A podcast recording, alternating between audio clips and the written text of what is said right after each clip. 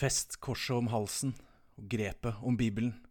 Bli med oss når vi skal drive helvetes hær vekk fra jorden. Vi skal til Doom. Du hører på CD Spill.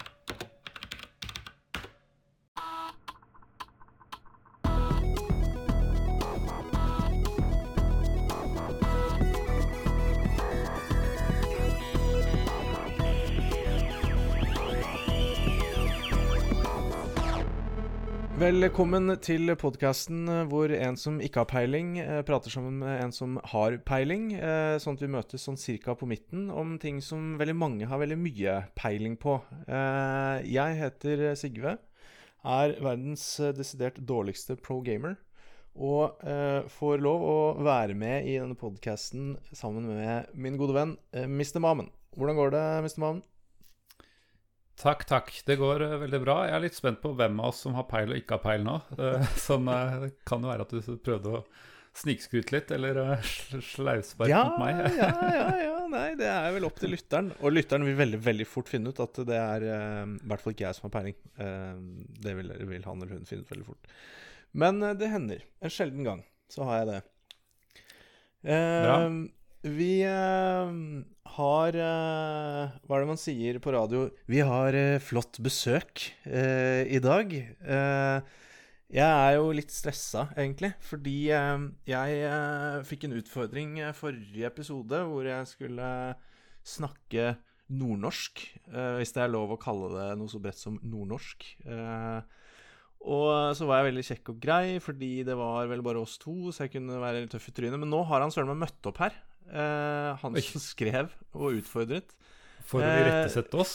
Ja, det er det jeg er eh, litt sånn spent på, da. Eh, Joddi, er du, er du med oss i, i dag? Hallo, ja. Det er jeg, vet du. Nå har jeg stått og banka på døra deres i eh, ganske mange dager. Ja, så til slutt så må vi bare åpne oss og se hva er, det, hva er greia. ja. Hva er eh, greia her? Nei, jeg følte meg ganske sjikanert. Eller krenka, er det vel kanskje. Ja, det er det det, er det, det heter nå. Krenka. Ja. Eh, Ja. Men, men så kom jeg på det kjente ordtaket at uh, imitasjon er din største form for smiger. Nettopp. Så takk skal du ha, Sigve. Du smigrer meg veldig. ja, fy søren. Du må passe på at det ikke blir for mye smiger, ellers så blir dette en helt annen podkast som må sendes mye senere på kvelden til et helt annet publikum. Men ja, godt, godt å høre, Joddi. Da kan jeg puste litt lettet ut, er det sånn å forstå? Det kan du gjøre. Du skal få for innsatsen. Ti av ti. Men du spurte etter en, helt, en litt sånn spesifikk eh, del av Nord-Norge, holdt jeg på å si. Eh, hva var det, og hvor dårlig traff jeg? Nei, du hører jo min dialekt. Uh, den eneste forskjellen på den dialekta som er fra Midt-Troms, uh, og den dialekta som du brukte, som høres ut som han uh, Erik Mykland Myggen, er jo ganske åpenbar. Så Ja. hvis jeg hadde prata sånn som du prata da, så hadde jeg Ja. hørt sånn her ut. Og Ja, ja, ja. mer irritert ut enn eh, Ja. Ja, men dere er jo irriterte. irriterte. ja Ofte. sånn, Det er jo- det er jo- hadde jeg heia på Bodø-Glimt også. Ja, det er sant. Jeg følte at jeg liksom svaia mellom Bodø og Harstad litt der. Eh, på, på den der improreisen min inn i, inn i nordnorsk dialekt. Eh, men det er jo kaldt. Det er kaldt og vått, så jeg skjønner jo at eh, og, og Myggen er jo ganske liten, så jeg skjønner jo at han er sint. Jeg hører, jeg hører sint ut, da. Skjønner du det? Ja, ja han og Mini Jacobsen. Ja. Eh, som sagt Fotballinteressen vår. Som, som sagt, Altså, har, det, jeg skulle si det. Det var de Veldig eneste to fotballreferansene jeg kunne. ja, men er ikke Myg, Hvem er Myggen? Nei, Myggen han er ikke nordnorsk. Vi, jeg, vet hva, jeg skjærer igjennom. Vi må videre. Dette Takk. blir pinlig. Takk Nok fotball, okay, eh, nok fotball Joddi. Ja, enig. Hallo, jeg heter Jørn Inge. Jeg eh, kalles da for JD, og jeg eh, har eh, fått lov å bli med dere her i denne herlige podkasten. Så jeg er da ca. like gammel som dere og har opplevd de samme traumene opp gjennom tida.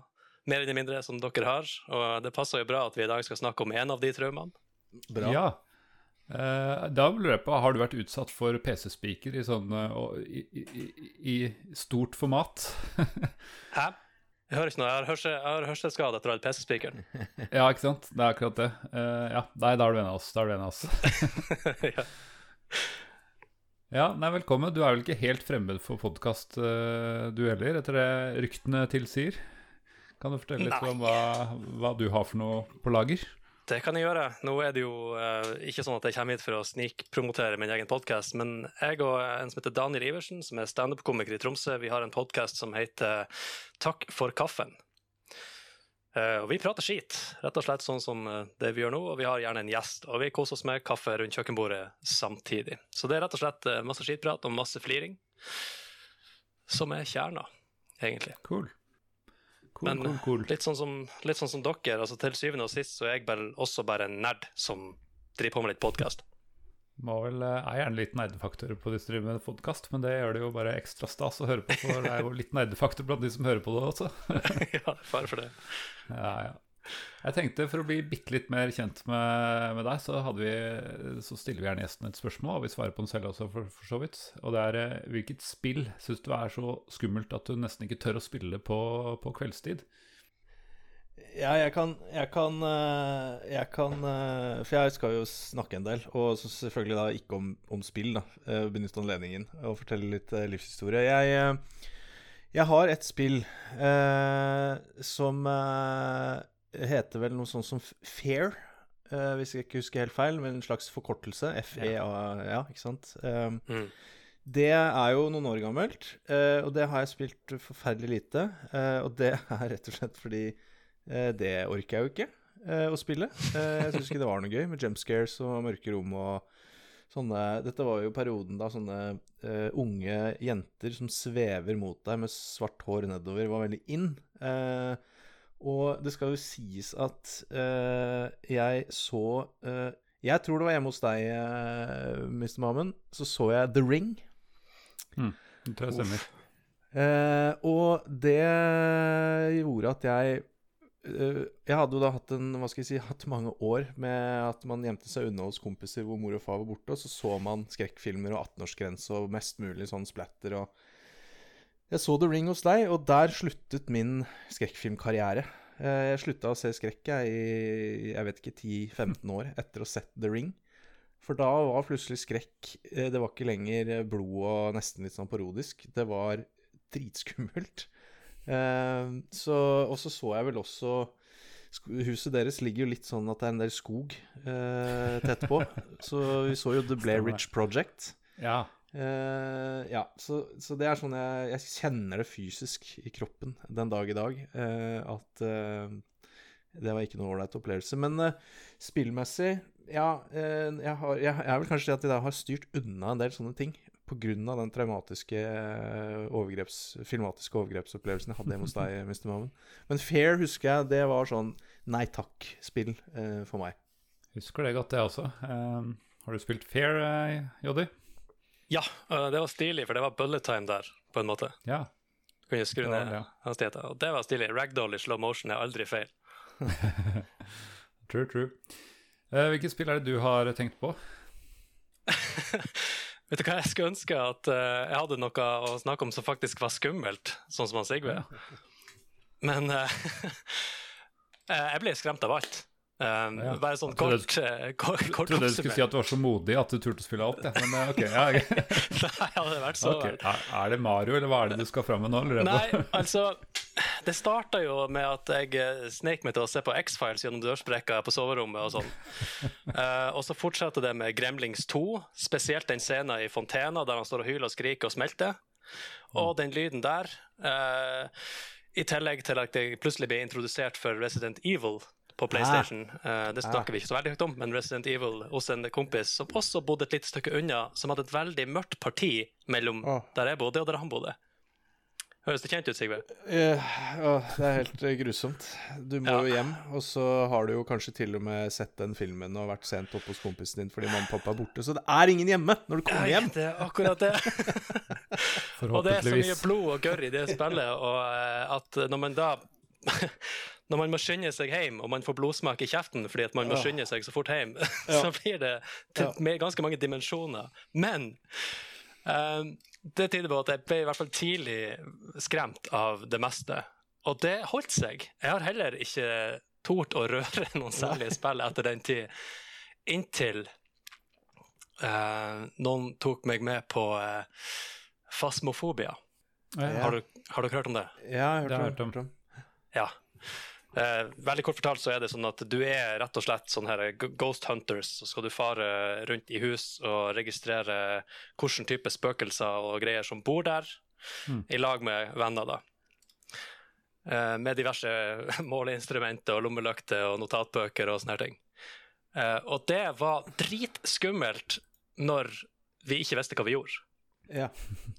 Når, du, når alle er nye i spillet, ingen vet hva som funker, ingen har opplevd hva som er skummelt før i det spillet, og alle blir like redd og hyler som små jenter i lag i en virtuell eh, dass inne på en virtuell skole i Kolmørtna.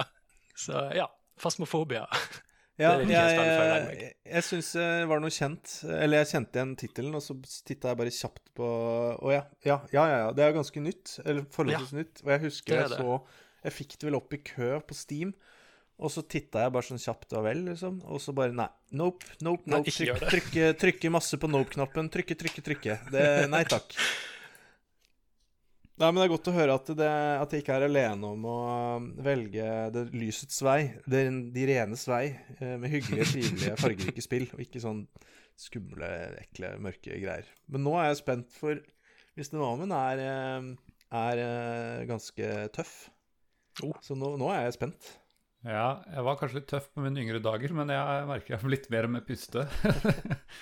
uh, nei, altså Det var et spill som kom, kom i hodet på meg nå, nå nylig. Um, Fair var forresten på lista mi, den også, for den, er, eh, den husker jeg gjør inntrykk. Men i, du vet jo dette Epic som deler ut spill hele tiden.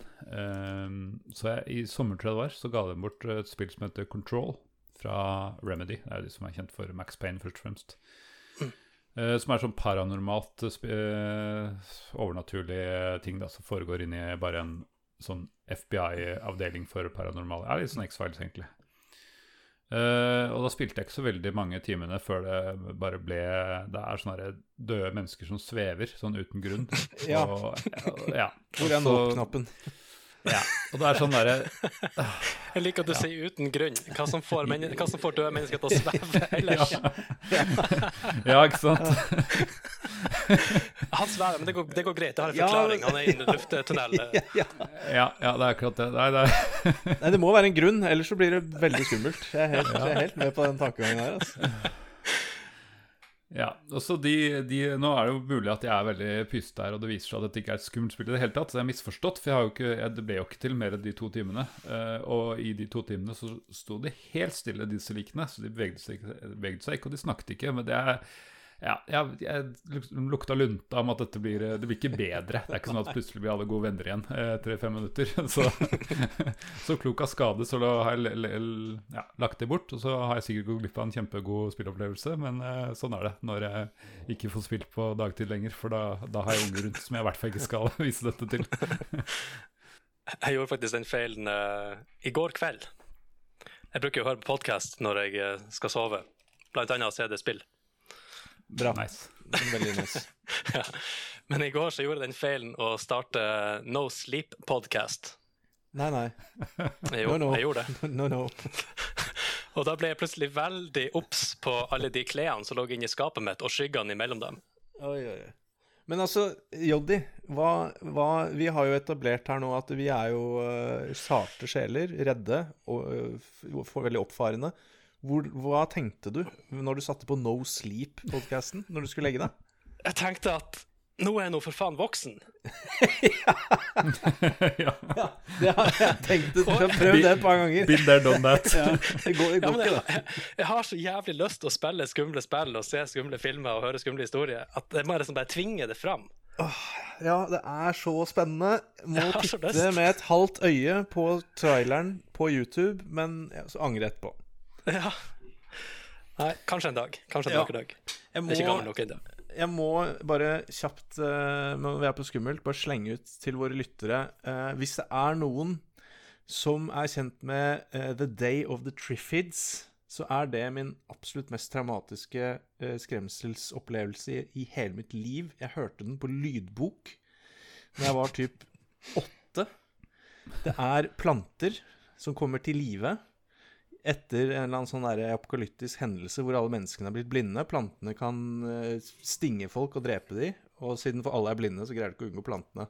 Day of the Triffids, hvis det er noen lyttere som har hørt om det, så vil jeg gjerne høre det i, i kommentarfeltet. For det er, eh, det er noe av det tøff, tøffeste jeg har vært med på i mitt liv. Jeg, jeg var traumatisert lenge etterpå. Day of the Triffids. OK, nå kan vi gå videre. Stilig. Før vi hopper inn i dagens spill, som begynner på tide, så har jeg lyst til å høre om, eh, om det er noen som faktisk har hørt om spillet vårt som vi snakka om sist, som var eh, første Tex Murphy-eventyret. Altså Mean Streets.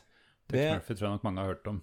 Ja, Mean Streets eh, er jo en sånn sneaky Alle tøffer seg jo og kan sin spillehistorie, og, men Mean Streets eh, Det er litt bevegelse eh, på social medias. Eh, på vår Facebook, CD-spill, eh, så har eh, en, eh, en som egentlig er litt en del av eh, hva skal jeg si, hi hi historikken her, kan du si. Yngve Thon har kommentert. Han er jo, er jo fra området vårt og, og har jo vært en Mm. del av til dels en del av minnene vi snakker om. Han sier kult, har akkurat hørt episoden. Gode minner fra barndommen med Copan pluss. Kassettopptak av fete grooves og skrekk for lobotomi. Eh, jeg vet ikke hva Copan pluss er. Eh, jeg får en sånn derre Er det liksom Commodore Altså, det, Nei, nei, det nei. var jo Det er litt sånn som IBM. Jeg hadde en Copan Pluss selv. Det er kanskje Ja, den han sikter til. Jeg vet det ikke. det Det var det eh, med sånn turboknapp og alt mulig rart. så Nettopp. ja, Med plussen, vet du. Da blir det dyrere og bedre, selvfølgelig. Ehm, Bare for å skyte inn, dere vet hva den turboknappen gjorde?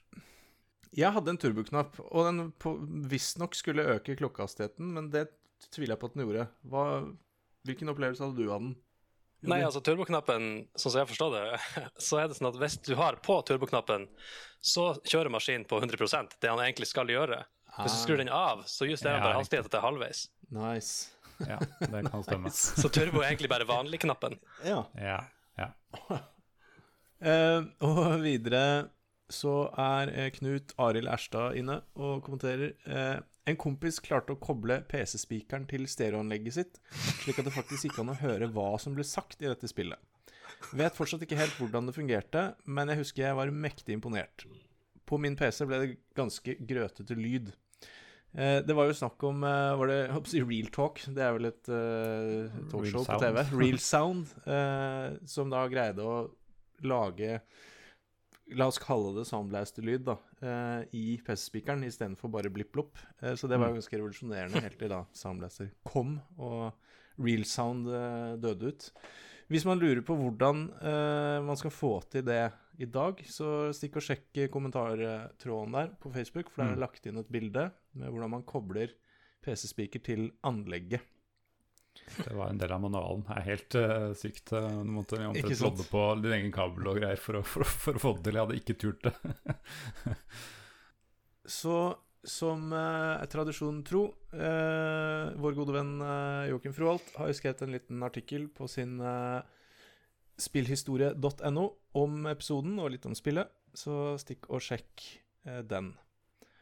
Og det er mer enn jeg håper si man kanskje kunne forvente av bevegelse på eh, det ukjente Tex Murphy-spillet, som er eh, the OG, det første. Enig.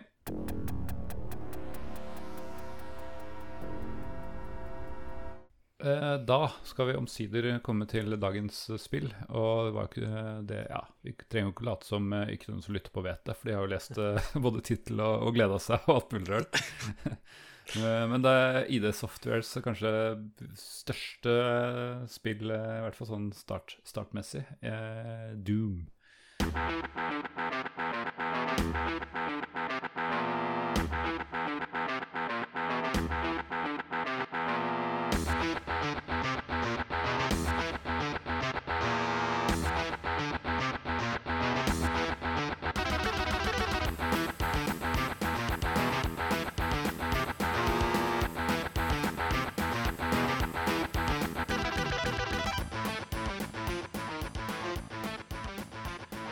Kom i 1993.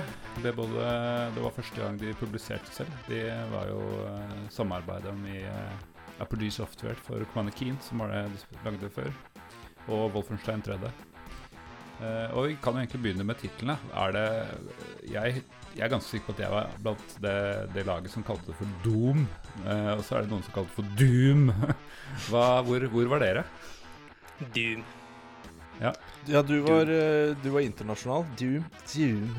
Ja. Jeg, eh, jeg er litt sånn usikker, eh, fordi eh, det kommer jeg nærmere inn på. Eh, Jeg ble begrenset fra å spille spillet så veldig mye. Eh, Men jeg har lyst til å si Doom. Jeg tror jeg sa Ja. Doom.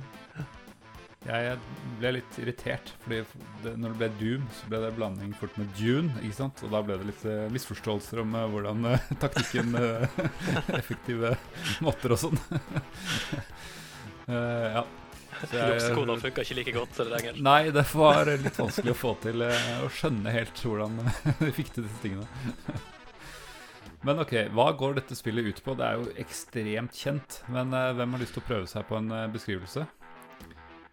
Jeg kan prøve meg fordi jeg har spilt veldig lite. Eh, du er misjonær som har greid det utrolige å bryte deg inn i helvete for å drepe djevelen og hans hær. hær. Ja. Takk for oss. Snakkes neste uke. ja. Nei, du er jo inne på, er jo inne på noe, eh, men eh, ikke helt. Eh, nei, dette foregår i fremtiden. Jeg tror det var Du husker året, året Ja, det var det 2019 eller noe sånt? Ja, det er jo ei, ei tidslinje som bl.a. er i 2019 og 2020, og egentlig den tida vi er i nå, Ja. og framover. Ja. Eh, og der, eh, det er jo på Mars sine måneder som, eh, som det foregår, hvor eh, de har eksperimentert med teleporteringsteknologi. Det har ikke gått så bra. Dette, dette er en historie jeg føler jeg har hørt før, eller kanskje etter. Eh, og så har de tilfeldigvis åpna en portal, ikke til eh, mellom disse månedene, men til helvete. Ja. Mm. Eh, så da kommer det jo mindre hyggelige ting ut av disse teleportene. Eh, ja. Og da må man jo bekjempe disse demonene som, eh, som kommer gjennom eh, til slutt også i helvete selv. Det som er litt kult, er at eh, jeg skjønte jo ikke før jeg ble voksen at alle de her shotgunman og de her som du driver og slåss med i Doom-spillene, er jo egentlig marines som er folk som har blitt besatt. Ja, riktig. Så du skyter egentlig dine kollegaer, blant annet. Ja. Ja, det har jeg jo lest i manualen, jeg også. Jeg tror ikke jeg har Mm. reflektert over det heller. Det var ikke veldig mye som var forklart, så det var en tekstskjerm inni jo det. Og, så var det vel begrensa hvor mye vi reflekterte i 1993, eh, for så vidt også. Ja. jeg, jeg hørte jo av dette der historieaspektet. Eh, altså Dette gikk du jo i gang med etter eh, Wolfenstein 3D. Vi har jo tatt eh, liksom, denne sjangeren i feil rekkefølge, merker jeg. Vi har begynt eh, langt frem og gått bakover. Men ehm, eh, det var visst eh, mye historie. Han, eh, Tom Hall hadde visst lagd liksom Doom Bible og hadde masse ideer, da. Men eh, så var det litt konflikter om at de mente at det her, ingen bryr seg om historien. Vi skal bare ha full action, rask gameplay. Mm. Ehm, som jo var det det endte med. Så jeg vil jo si det var Det føles riktig, selv om mange senere har lagd mye bra historier i FPS-land, så føles det, føles det riktig. Mm. Jeg må jo si, må jo skyte inn at det, akkurat det der er jeg veldig takknemlig for. Eh, Jeg er jo en sånn utålmodig type som hater law, eh, og i hvert fall hvis law blir tredd ned over huet på deg, eller ned i kjeften på deg. Mm. Eh, Jeg liker f.eks. Assassin's Creed-serien veldig godt, selv om det er delte meninger om den. Men jeg greier ikke å spille, spille Assassin's Creed Valhalla, fordi det er så mye Follow Quest og tungen law. Eh, og jeg fikk meg en ny venn eh, da jeg oppdaget dette sitatet, som sikkert eh, våre lyttere er godt kjent med, eh, fra da John Carmack, som er en del av produksjonen på, til Doom. Story in a game is like story in a porn movie. It's expected to be there, but it's not that important. Ja, hør, hør, alle som lager spill. Spar meg cutscenes, spar meg masse dårlig, lang law. Bare la meg spille. La meg spille spillet. Så det var bare en liten uh, takk til John Carmack der, uh, storymessig. Det som jeg syns er litt kult med Doom, er at uh, historia skal gå til helvete. Ja, Bokstavelig talt. Ja. Du spiller der, og hvis du gjør det riktig, så går det rett til helvete. Ja, ja, well, there you are. Mm. Eh, jeg kan skyte inn en liten ting der. Det som jeg syns er kulest med alt det- og, Uten at jeg skal bry meg om detaljene i historien. På slutten av eh, Doom 64, som versjon av Doom til Doom, altså til Nintendo 64, da, som egentlig ikke er canon, hvis eh, de lærde skal strides om det. På slutten av det så fær han der Doomguy til helvete og blir der. Ja, for å fortsette å drepe demoner i helvete. Altså, han tar seg en ferie dit. Ja, en slags sånn, der, eh, sånn trening, og- treningsferie. Ja, ja, bare fuck det er ikke mer igjen å gjøre på jorda, så jeg drar til helvete heller. Og han drar dit, og uh, det er ikke som er litt kult med det, er at um, da kan de også se det sånn at Doom 2016 fortsetter der, for der er du på en måte i helvete. Og der er du rett og slett deres verste mareritt. Mm. Altså, det, det er du som er demonen i den, i den tilværelsen der. Du bryter deg inn i deres verden, og du er deres verste mareritt. Og det syns jeg er dritkult med Doom. Det er jo um, Ja. Det, jeg kan jo bare nevne med en gang. eh, Doom 2 kom jo eh, var det vel året etter, eh, som var egentlig helt likt. Det var eh, en del nye fiender, eh, nye brett selvfølgelig, og ett nytt våpen, som var var vel avsagd hagle med to løp. eh, Men ellers så var det helt likt gameplay, og eh, jeg føler de, de Det går ikke an å ha så mye Du kan ha favorittbrett og sånn, men jeg føler det er veldig sånn smapas hva du Hvem av dem som du setter høyest, eller uh, syns du kan kose deg med begge to, liksom. Eh, så jeg vet ikke hvordan eh, Er det noen av dere som uh, Altså Jeg skal innrømme at jeg, jeg tror ikke jeg hadde bra nok maskin når original Doom kom, så jeg tror jeg bare spilte en, uh, en uh, Shareware-versjon etterpå. Men Doom 2 spilte jeg riktignok ganske mye, da. Men du nevnte noe om at du ikke hadde spilt det, Sigve. Hva, hvor, hvorfor ikke det?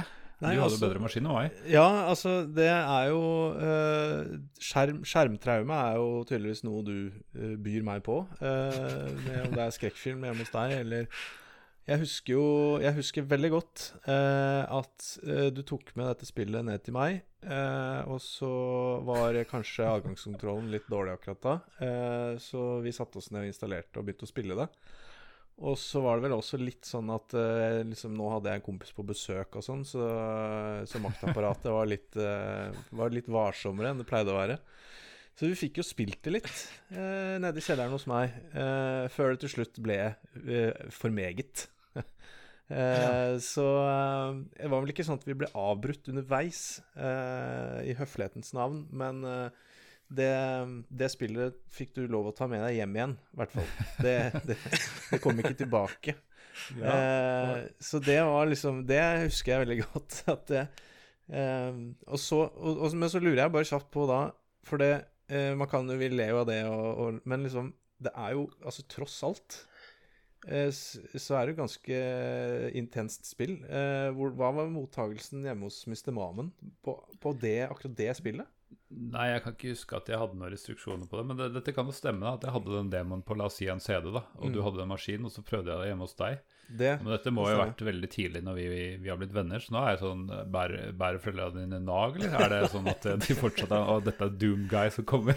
Nei, det Det, det Jeg har jo vanskelig for å se for meg at, at eh, Nei, jeg tror, det kom, jeg tror det kom like overraskende på alle.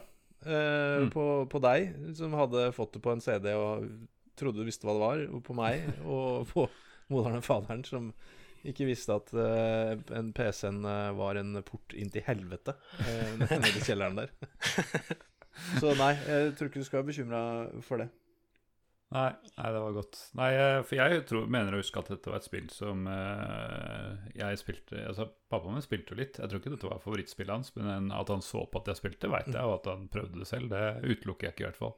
Så jeg hadde ikke noe sånn uh, Ja, jeg var, de hadde ganske liberale foreldre, kan vi vel oppsummere det med.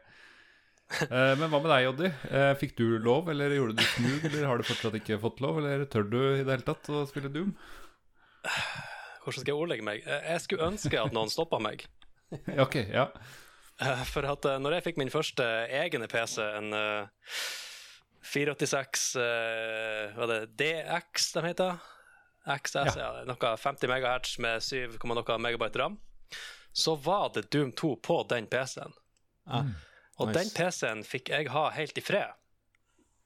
Men, Eh, var du rik, eller var Nei, var ikke eh, en du hva, egen jeg- Jeg klarer faktisk ikke å huske hvordan den havna på, på pulten min. Men den gjorde nå det, av Ja, et eller annet vis. Kan hende faderen prøvde å kjøpe seg unna litt dårlig samvittighet eller noe sånt, men eh, Men eh, ja, så i hvert fall så satt hun plutselig der med en PC full av Doom 2. Ja. Uh, og starta opp det her, og hadde jo selvfølgelig hørt om det, og det var dritfett at jeg hadde det på min egen PC. Og så kobla jeg opp mine uh, høyttalere. Hadde dere sånne svarte høyttalere som så ut som sånn eh, ei klokke, nesten. Sånn ringe, altså sånn eh, bjeller. Sånn oval sak. Bitte små PC-høyttalere. Ja, jeg, jeg tror jeg ser for meg typen, men jeg, jeg, jeg er I'm the, I'm the beige gang. Jeg er på sandblaster med Ja, okay, beige. du er det. Ja, ja. Jeg fikk, s- Den var svart, da. Det var fett. Så var det å skru dem så høyt som det gikk an. Eh, skru av lyset, som, som mørkt det gikk an å ha det på rommet. Trekke for alt av gardiner. Og så starte Doom, og så spille der til at jeg ikke torde å røyse meg og snu meg og se hva som var bak stolen min. Og knokene på fingrene var så hvite, og bevegeligheten var så eh, begrensa at jeg eh, klarte ikke å skru av PC-en igjen etterpå. Altså, jeg, skrev, jeg spilte meg i hjel, nesten. Men fikk du, Eh. fikk du Altså, det er jo, skum, det er jo, det er jo skummel, derfor et sart barnesinn. Var det Fikk du traumer? Fikk du sove? Fikk du mareritt? Uh, vi har jo snakka litt om det der traumene mine. Uh, så uh, Doom var med på det der Ja. denne, den haugen med traumatiske ting. Jeg har ligget i senga mi en gang, og mamma var på noe foreldremøte, og vært så stiv av skrekk at jeg ikke torde å puste. uh, og venta på at hun skulle komme inn døra. Så eh, det funka bra. Så du burde kanskje hatt uh, foreldre som brydde seg? Så Ja, de burde i hvert fall visst hva en tese var, Ja. og hva den kunne gjøre med et uskyldig barn. Ja, men du sto han av. Du kom, du, Ja. du kom deg gjennom det. De lærde strides. Ja, ja. Det er, du er her. Vi er her, i hvert fall. ja. Nei da, men jeg fikk, jeg fikk fritt, fri, fri tøyler på den. Men jeg merker, jeg er nødt til å spørre Jeg har jo eh, Ja, nå høres det ut som selvskryt men, igjen, men eh, jeg spilte jo faktisk Wolfenstein 3D en god del. Har dere, er dere kjent med det, eller spilte dere det før, før Doom? Jeg eh, ble kjent med det liksom senere, altså etter Doom. Eh, Ja. Så ja, dette var det som kom først. Og så kan jeg huske å bare spilte det liksom bitte litt hos en kompis en gang. Eh, men ja. Så det, Doom var første for meg. Ja, Mm. deg? Samme her. Jeg, eh, jeg kjente til Wolfenstein. Og jeg har, har sikkert sett det, så at jeg visste om det når jeg spilte Doom. Men hele linken i forhold til hva som kom først, og at det var de samme id Software som hadde laga det, og alt det her, det kom jo senere, da. Ja. Nei, jeg tror nok den ble ganske mye mer populær, men jeg husker at eh, Wolfenstein 3 da var ganske jeg husker, eller, altså Det var såpass utbredt at jeg hendte jeg så det på noen Altså jeg så på TV at noen spilte Wolfenstein 3 den gangen, noen sketsjer og noe greier. Det var noe sånn der Hva skal vi gjøre med naziene? Gjør, gjør som dette, så zooma de inn på lavoppløsende PC-skjerm og skøyt noen. Det var noe sånt. Så ja. Ja ja. Nei, men eh, jeg vet ikke. Jeg spilte det en god del eh, Dette er jo et av de første spillene jeg spilte i multiplayer sånn med andre personer. Eller med andre PC-er, da. Det var en del sånn split screen-spill uh, før det. Men uh, med sånn linkekabel og greier. Uh, Nullproblemkabel. Uh, og det, det var vel litt med at jeg hadde ikke så mye noen å spille med, men eh, etter hvert så dukka dette opp da eh, på noen laptoper og noe greier, sånn at det gikk an å spille da. Tror jeg spilte mot søsteren min, blant annet. Eh, ikke så kjempemye, men mest som coop. For ikke gikk både coop og deathmatch, som de fant opp. Mm. Har dere prøvd i multiplayer? Uh, ja, i uh, seinere tid. Jeg hadde heller ikke venner. Uh, så, så, nei, det, altså, det var, jeg hadde jo Doom 2, da. Var det multiplayer Doom 2? Det husker jeg Ja, ikke. det var det, var det begge. Det er toeren jeg spilte på. Mm. Ja. Nei, jeg kom liksom aldri så langt at vi prøvde det, eh, før ganske mye seinere. Og det som var mest fascinerende da, eh, det var å se en annen Doom-guy. Mm. En annen person som faktisk var en person som gjorde menneskelige ting. Ja. Det var helt surrealistisk. Altså, du kunne se han fra tre vinkler. Og, ja. ja. ja, for det fins jo, eh, jo ikke noe speil i Doom, så du vet jo ikke åssen du ser ut, egentlig. Nei, det gjør ikke det. Så man, Ja, det er eller, mens man ser de her Doom Marine-likene som ligger strødd rundt i spillet, de grønne hjelmene med en eh, grønn klump rundt, Stemmer det. Det er det nærmeste. men de er ganske stillestående, eller stilleliggende. Ja. Eh, Har du no, er det noen som har noe favorittvåpen eller uh, monster eller brett eller et eller annet vi prater om, som, som du husker veldig godt? Ja, det har jeg har jeg faktisk. Brett, i hvert fall. Ja. Uh, I Doom 2 så er det et uh, brett som eh, Jeg er litt usikker på hva det egentlig skal være. Uh, om det skal være noe slags eh, bibliotek eller museum eller noe sånt. Men det er i hvert fall masse trevegger rundt. eh, Med en av, en av de låtene i det spillet som gir en veldig sånn ekkel stemning. Og et rom i det spillet så er det massevis av lik. Altså Det henger sånne halve folk fra taket, de er trødd ned Ja. på pinner, de er strekt opp etter veggene. Det er et sånt rom som ser ut som et torturkammer. uh, og det der gjorde at uh, i, i skoletimene på skolen så begynte jeg å tegne torturkammer. Ah, Lett, Ja, lett, inspi lett inspirert ja, ja, av eh, Doom. da, og der var barnevernet involvert. Ja, ja, ja. Jeg tror jeg har dem ennå, faktisk, i tegningen. Ja, Så ja, det var helt favoritten. Jeg, jeg husker et brett som var eh, Jeg tror det liksom var en by, eller du skulle forestille en by da, med sånn forskjellige eh, sånn store pilarer, eh, hvor du måtte gå rundt og så gå opp i heis inni, inni hver av dem og finne nøkkelkort og sånn, for det er jo massevis av nøkkelkort og låste dører og sånn. Jeg husker ikke så mye mer, men jeg husker at den var litt kul, da, fordi den skilte seg jo ganske mye ut fra mye var innendørs og korridorer og sånn, så det var litt kult med litt sånn åpen. ja. Ja, det er når du kommer til jorda, altså Hell on Earth, som Doom 2 den- heter. Stemmer, ja.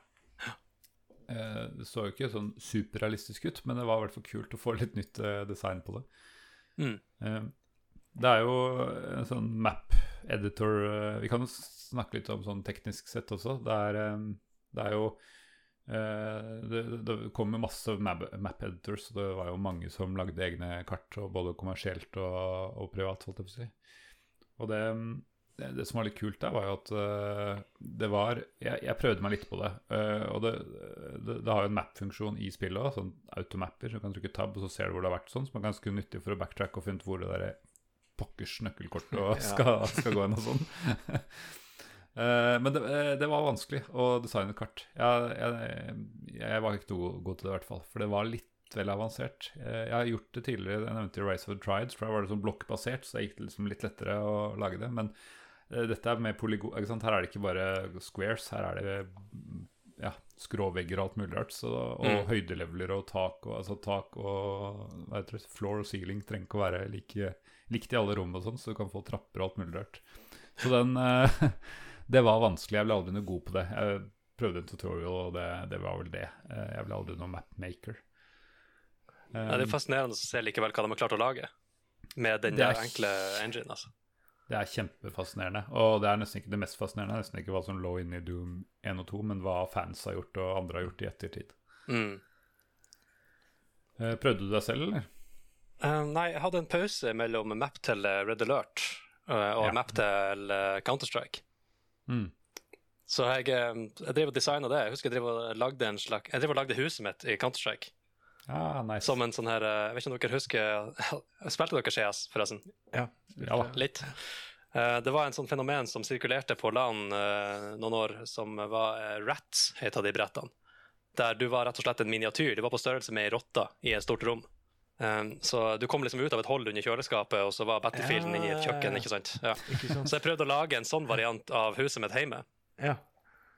Eh, det Jeg brukte jævlig mye tid på det, men det kartet ble aldri spillbart. Nei.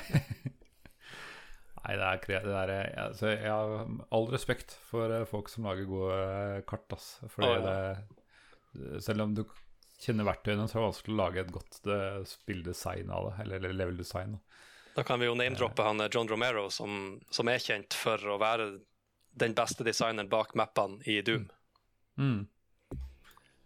Ja, John Romero var viktig, eh, han. Eh, men det var, han lagde ikke alle kartene. De, var jo, de delte på det. Og, men Det det er er, jo for bra, da. Da ble det litt eh, vari variasjon. For eh, Mm. det er ganske kjedelig med Det er noen ganger jeg føler at det er veldig like kart, da. altså liksom, åh, ja, ja. eh, høyre sving her og venstre sving der, men jeg har liksom vært gjennom det. Så det er litt deilig når du ser noe nytt, da. Ja, ikke sant? Og noen, noen kart er bare drit, rett og slett. Ja, det er rett og slett. Så, og så er det noen sånne secret levels også. Jeg vet ikke om du kom til dem, eller om du turte å spille så langt.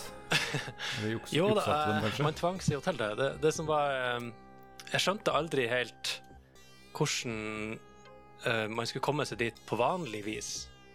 Men når med en gang jeg lærte meg koden for å bytte level, Mm. så prøvde jeg jo alle tallene som jeg kom på, så lenge det funka. Og da dukka jo de levelene også opp. Ja. Så jeg ID CLEV-a meg til de levelene. Stemmer. Jeg var vel sånn jeg også kom på det. Så så jeg en eller annen video en gang eh, hvordan man skulle kommet dit. Men jeg tror Mm. at jeg også brukte cheat codes. For der var det jo Det var to stykk, og det ene var en, en uh, Commander Keen som du skulle drepe, eller noe sånt. Altså Den hang fra Det var en reference der, da. Til andre Ja. RPG-spill. Um, og det andre var en Wolfenstein 3D eh, le- Altså første brett i Wolfenstein 3D hadde gjenskapt med duografikk. med Ah, var det faktisk levelet fra. Wolfenstein? Ja, jeg tror det var det Ah. første, hvis ikke jeg husker helt feil. Så det var eh, For meg var det det wow, liksom. Det var litt nostalgisk og litt kult å se det med HD-grafikk, i anførselstegn. For det var litt, eh, litt bedre rendered enn engine. Men eh, det er faktisk en ting som er sykt. At det er bare ett år mellom Wolfenstein 3D, eller ett og et halvt kanskje, og Doom. Doom. Mm. For det er så mye forskjell sånn i, i liksom tech, da. Ja, det er det. De gikk fra en, hel, altså en helt ny måte å rendre på på den tida også. Mm. Um, ja, apropos uh, juksekoder. Ja. Uh, Mr. Mamen, du som uh, har spilt det, hvilke juksekoder husker du enda? Hva som sitter i ryggmargen? Uh, Ja, det er noe i DDQD, er ikke det en, er ikke det en av dem? Ja, det er, det er udødeligkoden. Da får du gule Ja, det er ty- tydeligvis den jeg brukte mest. Og så er det jo nå å gå gjennom vegger, men hva er det? ID ID-klipp, er det det? Ja, ja, det ja. OK, da har vi to. Har du flere? Ja. Nei, nå, nå begynner jeg å bli Nå tørker det opp her. Det var de, det var de to du brukte. Ja, det var det viktigste. Uh, nei, eh, det var sikkert noe limited ammo og sånn, men jeg, nei, du må hjelpe meg. Ja, men det er det som jeg nevnte i stad, det er jo ID CLEV, altså ID change level. Da kan du bare skrive den og så et tall bak, Ja. så får du en ny level. Men så har du, eh, av de som jeg husker, så har du i tillegg IDKFA. Da Ja, får du alle nøklene, alle våpnene, fullt med ammo. ja stemmer. Så det var sånn jeg egentlig starta Doom hver gang. Det var IDDQD og så IDKFA. For da var jeg udødelig og hadde så mye våpen og krutt så jeg bare klarte å bære. Ja, Ja. Da får Ja. du justert ned skummelhetsgraden litt, grann, at du er eh, forholdsvis udødelig. Ja, jeg ble en gud plutselig, og da er det ikke Ja, så farlig lenger. Nei, det er ikke så skummelt da. Men apropos skummelt, vi må jo Vi kan jo ikke snakke om Doom uten å touche litt innom eh, at eh, Ja, det var ikke bare mine foreldre som eh, eh, fikk bakoversveis.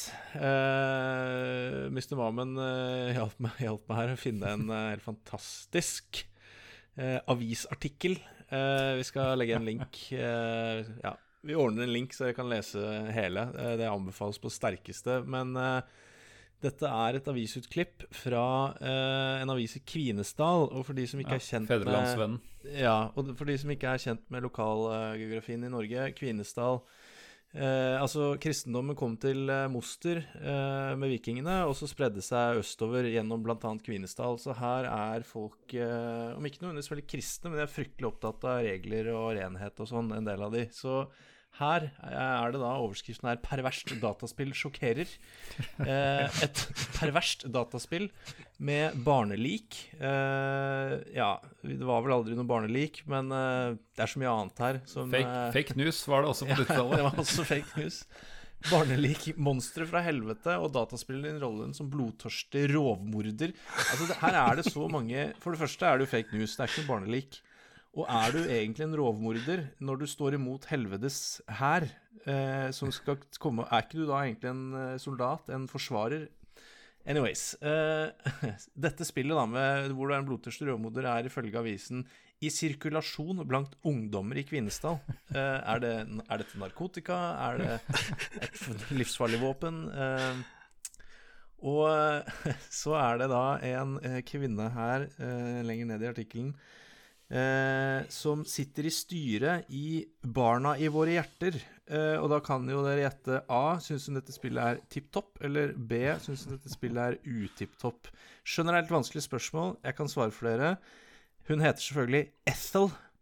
Ethel Kjørklaug går til felts mot det destruktive dataspillet Doom. Der, altså. Eh, det er jo, jeg syns det er morsomt, fordi det er jo, er jo et sjokkspill, og, og i hvert fall da det kom. Det var jo sjokk, sjokk, sjokk med blod og gørr og demoner. Altså, det var liksom alt de greide å klemme inn av ting som var sjokk og skremmende og skummelt og eh, Så jeg skjønner jo at folk fikk litt bakoversveis, men så er det morsomt å se de som eh, Ja, hun Ethel vil jo gjerne at eh, myndighetene må vurdere forhåndskontroll av dataspill, og eh, Justisdepartementet vurderer en innføring av forhånd. Ja, så hun, hun, tenker liksom at dette var litt for sjokkerende for henne, så her må vi ta en begrensning på ytringsfriheten. Uh, det er morsomt å se hva som kommer fram i folk når man får seg, man blir pirket litt borti. Vi legger ut en link til artikkelen. Den, eh, den bør leses. Ja, hvis ikke du har lest den, så må du lese den. Og ja. det kommer vel også fram at eh, TV 2 tok jo, tok jo tak i saken ja. etter dette ved å, ved å, trekke annonsene på, fra tekst-TV. Ja, fra tekst-TV. Internett er ikke farlig. Det, er internett er ikke noe nytt og farlig. Tekst-TV har vært farlig årevis. Lenge før internett. Det er så morsomt, fordi dette eh, Ja, det var jo Internett var jo kanskje ikke så utbredt, men eh, det, dette ble lasta på sånn BBS eh, eller FTP ja, var, ja, Jeg husker ikke om det var FTP eller BBS, ja. sikkert kanskje begge deler. Men det krasja jo med alle servere fordi det ble så populært, de, de demoene og sånn. Så ja, det fikk litt uh, Fikk litt uh, Det var, var litt uh, hard fødsel, er det vel det heter. Men jeg husker et annet blad jeg, som jeg hadde hjemme, som var Kanskje var Giga eller et av de gamle norske databladene, hvor det sto eh, De hadde jo lyst til å finne en unnskyldning til å skrive om Doom så ofte som mulig, selvfølgelig. Selvfølgelig. Uh, og, og, til og med under overskriften uh, disse, nytt, disse, ti nyttige dataspillene', så, så hadde du klart å lure inn den. Og da var det sånn uh, SimCity lær der, planlegger by, og så sto det ja, ikke sant? Og så husker jeg ikke alle de andre, men så var det Doom, da. Liksom og så var det som en PS under. Altså, ja, hvis du faktisk føler behov for å, for å knerte demoner med motorsag i hverdagen, så kanskje du skal vurdere en psykolog istedenfor ja, det, innkjøp av dette. det høres Men altså, du skal ikke det, det, det, er ikke så langt unna. Jeg så uh, i uh, Jeg lurer på om det var du, Joddi, sendte linka til et par sånne dokumentarer. Titta på de uh, på YouTube. Uh, og det ble jo sluppet en, eh, en visstnok en Marines-versjon til Altså United States Marines ba om en versjon sånn at de kunne trene squad-based combat. Mm. En, en fireplayer coop-versjon med marine skins og, og, sånne krigsbyer som de trener. Så eh, jeg syns Giga traff på at dette er et nyttig spill. Eh, det er et nyttig spill. Ja, så Ethel, bare ro deg helt ned. Dette er bra for ungdommen. De, de, det er lærerikt. Det er et, bra, det er et lærerikt spill. Sunn ungdom spiller Doom. Ja. Gjør som Jesus, bekjemp ondskapen. Ja, altså, Dumka er jo egentlig en slags templar, vil jeg si. Ja, det er jo Han er jo en hellig kriger, om noe. De, definitivt. Det er jo også en ting jeg syns er komisk, som glipper litt uh, underveis. Det er kanskje lett å sitte og se tilbake på det, men hva er storyen her? Folk henger seg opp i, i lik og demoner og, og blod og gørr og uh, Men altså, hva er det som foregår her? Jo, men det er jo faktisk en fyr, som du sier, det er en templar, som rett og slett er nede og slåss mot helvetes hærer og hindrer helvete i å ta over jorden. Uh, så det er jo egentlig Ja, det er en misjonær. Med, bi med bibel i baklomma og våpen i hånden, som er nede og jeg tror vi omdøper han fra Doomguy til Good Guy, rett og slett. Ja, jeg, jeg syns det. Jeg syns det. Det er jo helt herlig. Uh, jeg har lyst til å gå litt tilbake til det tekniske. Uh, vet Du litt uh, Du virka som du hadde litt peil Joddi, på liksom, hvordan de fikk til denne 3D-verden som er forbedring fra Wolfenstein 3D. Sånn. Har, du, har, du, satt deg inn i det? Jeg liker, jeg liker, å tro det. Altså, jeg er jo ikke noen programmerer eller noe sånt sjøl, men og det er jo sånn alle gode påstander begynner, som vi sikkert får masse tilbakemeldinger på etterpå. Men uh, i Wolfenstein, i hvert fall, begge de to spillene er strengt tatt 2D. Uh, eh, hvis du tar opp minimappen som du snakka om i stad, eller mappen, da, så ser det ut som en sånn, et racingspill, nesten. Der du har en mm. bane, og du springer, du styrer nesten som en bil. Uh, og det er egentlig sånn PC-en din ser på Doom. den vet kun hvordan, hvor veggene står, og så får den beskjed om at den veggen der skal rendres så høy. Mm. Men det er ingen fysiske Du har ikke tre dimensjoner, egentlig. Det er egentlig et flatt kart. Så mm. måten det Wolfenstein 3 blir lagd på, det er det at den, den sender på en måte en, en, stråle Når du ser ut i, et rom i Wolfenstein, så sender den på en måte en slags stråle som sveiper fra venstre til høyre eh, fra din posisjon. Og så tegner han liksom strek for strek for strek for strek. Og det er sånn at de som da som treffer lengst unna, de strålene som treffer lengst unna, der tegner jeg rett og slett en kortere strek, sånn at den veggen ser lenger unna ut på skjermen. Mm. Uh, veldig grovt fortalt, da. Altså, mens på Doom så gikk de om til å, å ikke rendre som en slags sveip, men at de heller rendra det Rommene ble delt inn i blokker. Og den, den delen du sto oppi, den ble rendra først. Den lille firkanten rundt deg. Så ble det rendra det som var hakket lenger bort, og hakket lenger bort. Og så til slutt det som eh, det som sto, Hvis noe sto i veien for noe, la oss si at det sto ei søyle i rommet, så ble den rendra, og til slutt så ble det som var bak den søyla, rendra når du gikk rundt. da. Så den, Mm. den rendra alltid kun det du trengte å se, fra det nærmeste til lengst borte. Ja. For det, En annen ting jeg husker, var at det var ganske awesome lyssetting i Doom, som, eh, som ikke var i Wolfenstein 3D. Og det tror jeg bare var at de skrudde liksom, intensiteten på, på disse de veggene, spritesa og, og gulvet, for så vidt, opp og ned. da. Ja, Eh, Så det ser jo faktisk veldig eh, raytracing ut, men, eh, men veldig enkel teknikk. Og dette Ja, er altså, jo alle det- honnør til disse programmererne som fant opp det her. da. Det var, jo, var vel en av Carmackene som gjorde det, kanskje? Eller var det Romero? Jeg husker ikke helt. Carmack var vel hodet bak det der, og det er jo en fordel, Ja. fordi at egentlig så kunne ikke PC-ene tegne 3D-grafikk. Og de gjør det strengt tatt ikke nå heller. Og der, der har jeg en litt artig sak. Um, fordi at uh, du trengte ikke rare hardwaren for å spille Doom. Nei. Men da kan jeg jo si det sånn at hvis du har lyst til å spille Doom, men du ikke engang har en PC, hva kan du Ja. gjøre da? Nei, da har du vel andre options, har du ikke det? Ja, vil dere høre noen? Absolutt. Ja. Få høre. Hvis du er så uheldig og du ikke har en PC, fortvil ikke. Fordi hvis du får tak i en minibank, eksempel ja, ok, jeg vil ikke så vite hvordan du får tak i den, men eh, la oss si at du Ja, har la si kommet at- til besittelse av en. Ja, la oss si du har det. Eh, Så kan du installere Doom på den, og da spiller du med de sideknappene som egentlig er 50-lapp og 200-lapp og 500-lapp og sånn. Det kan du ha. Eller Nice. hvis du har et eh, Kodak DC260 digitalkamera fra 1998, så kan du spille det på den. Bonusen der er at der har du en TV outplug, så du kan spille på storskjerm. Wow. Ja da, det er Ja, for- fantastisk. Ja, for det har jeg sett Altså, vi kommer tilbake til eh, hvorfor du har en minibank hjemme. Eh, men jeg har jo sett eh, Altså, ja, det er jo et fenomen. Det er nesten et meme at liksom Doom på alt. Eh, litt sånn batteriindikatorer på enkel elektronikk, så liksom kan du spille Doom på et bitte lite display og altså Ja, du, du kan spille hvor som helst, tydeligvis. Ja, jeg fant et, eh, et fint sitat, og jeg er litt glad i å fornorske sitat, for de blir teite.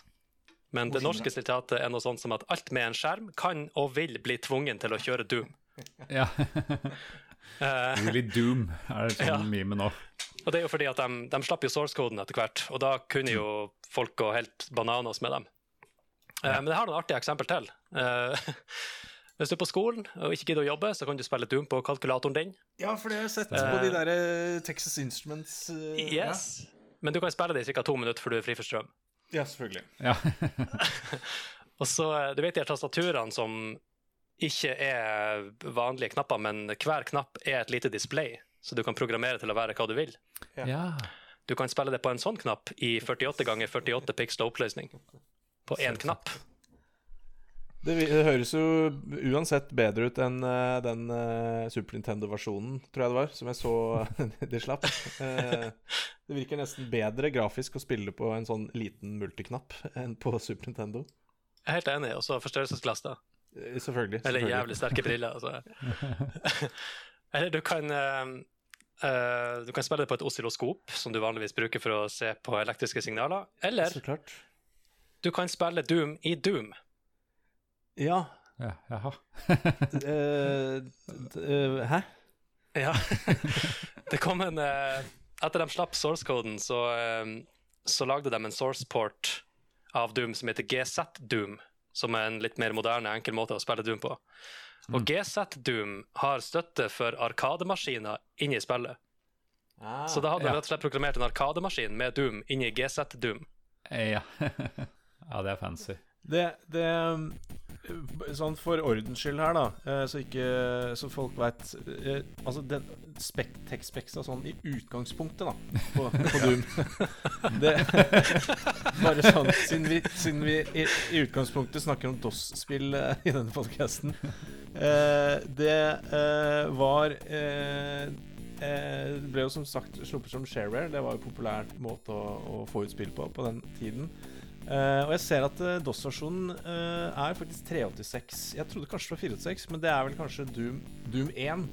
Eh, der, er det, der må du ha en 386. Eh, en Intel 386, intet mindre. I hvert fall ifølge Moby Games. Og den ble sluppet på både floppy og floppy-floppy-disk og CD-rom. Du må ha så mye som 4 megabyte ram. Uh, Joddi var jo rik, han hadde jo 7, eh, så det var jo ikke noe problem. Eh, og det har jo den sinnssyke oppløsningen 320 ganger 200. Eh, Fy søren, det var mye rare aspect ratios på den tida der. Altså. Det var før de landa noen eh, standarder. En hel haug av forskjellige eh, speaker-alternativer, men jeg må bare nevne at ja, hele Soundblaster-serien er støtta. Eh, og som sagt, du kan spille det uh, co-op eh, og one on one, ja, via f.eks. nullmodemkabel. Så det er, liksom, det er utgangspunktet, da. Og så har jo verden gått helt av skaftet, og du kan spille det på minibanken til Joddi, hvis du vil. Vær så god, kom på besøk. Du får penger hvis du runder det Ja, så fort. det er belønning, ja. Det er som ar arcade. Ja, jeg har sånn speedrun-aften her. Det er sånn innskudd også, eller? Sånn at du må sette inn for å spille. Altså, hvis du Ja, klarer det, så får du ut. Ja, ja, det er derfor, jeg, derfor jeg blir rik. Jeg har holdt på med det der i mange år. skjønner du. Kult. Altså, jeg hadde jo også vært rik hvis jeg hadde en min, stjålet en minbank. Men ok, vi, vi skal ikke, ikke få mye bevisførsel nå. Speedrun. Speedrun. Jeg hørte du nevnte speedrun. Er det noe du kjenner til, eller? Joddi? Ja, eh, når jeg spiller gamle spill, så er de jævlig fete å spille når jeg eh, er liten, og de er nye. Eh, og så spiller jeg gjennom dem en gang, og så spiller jeg egentlig ikke dem mer, men da blir jeg veldig interessert i hvordan blir de laga, hvordan fungerer engine, hva gjør de med de spillene i dag, masse analyser og sånne her ting. Det bruker jeg masse tid på. Soundtrack og sånne her ting. Og da snubler jeg over speedrun, som i aller høyeste grad er i eh, aktivitet i dag.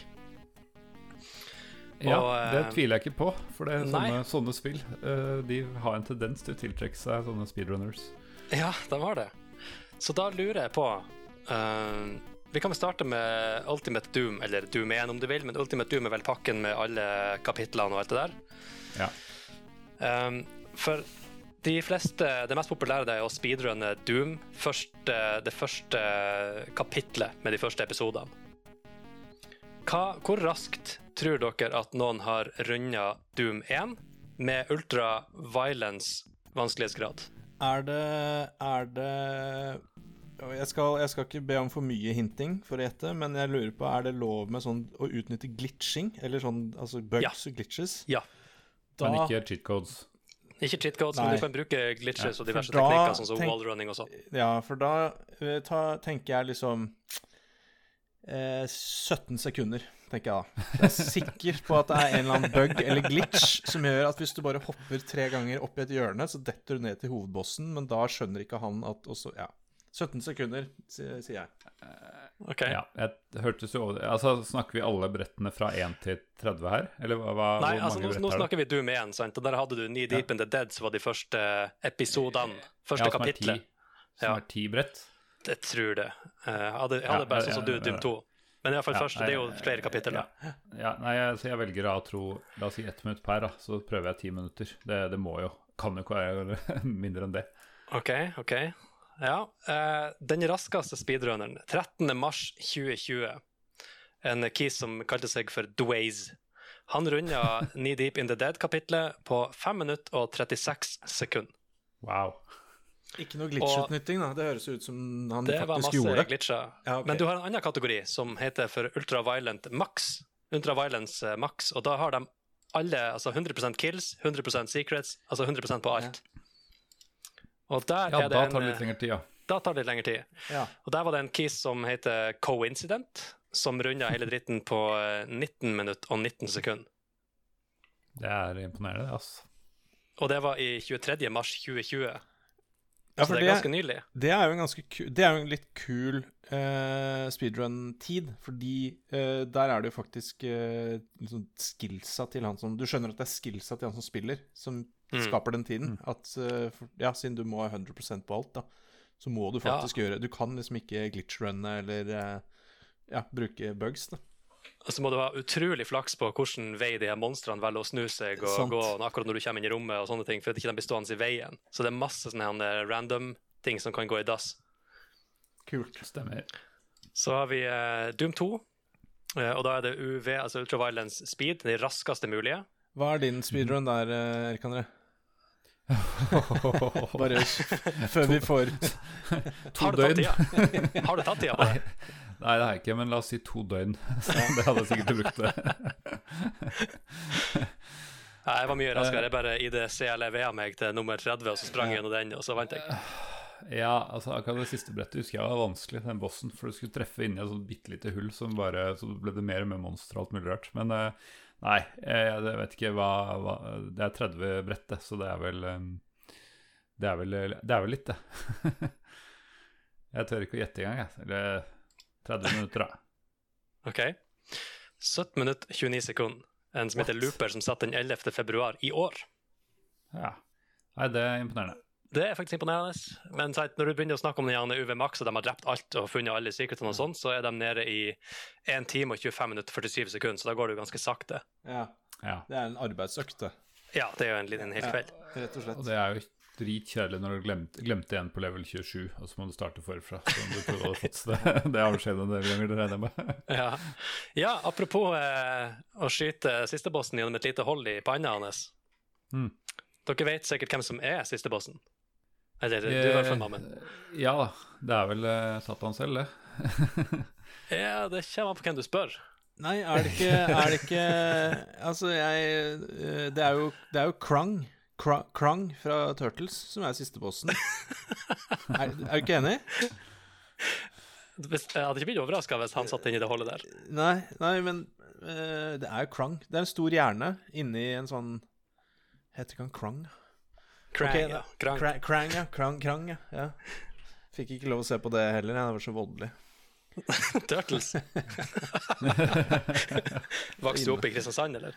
Ja, jeg skulle tro det. Jeg skulle tro det, Men eh, faktisk var det noen meter unna det her liberale helveteshullet hvor Mamen har vokst opp og fått lov å gjøre hva han ville. Nå lever han et skikkelig demonisk liv med kone og barn og ansvarlig økonomi, så så ille kan det gå, altså, hvis du får lov å spille hva som helst. Skaff deg en minibank, du, så blir du rik, mamma. Ja, det er det. Ja.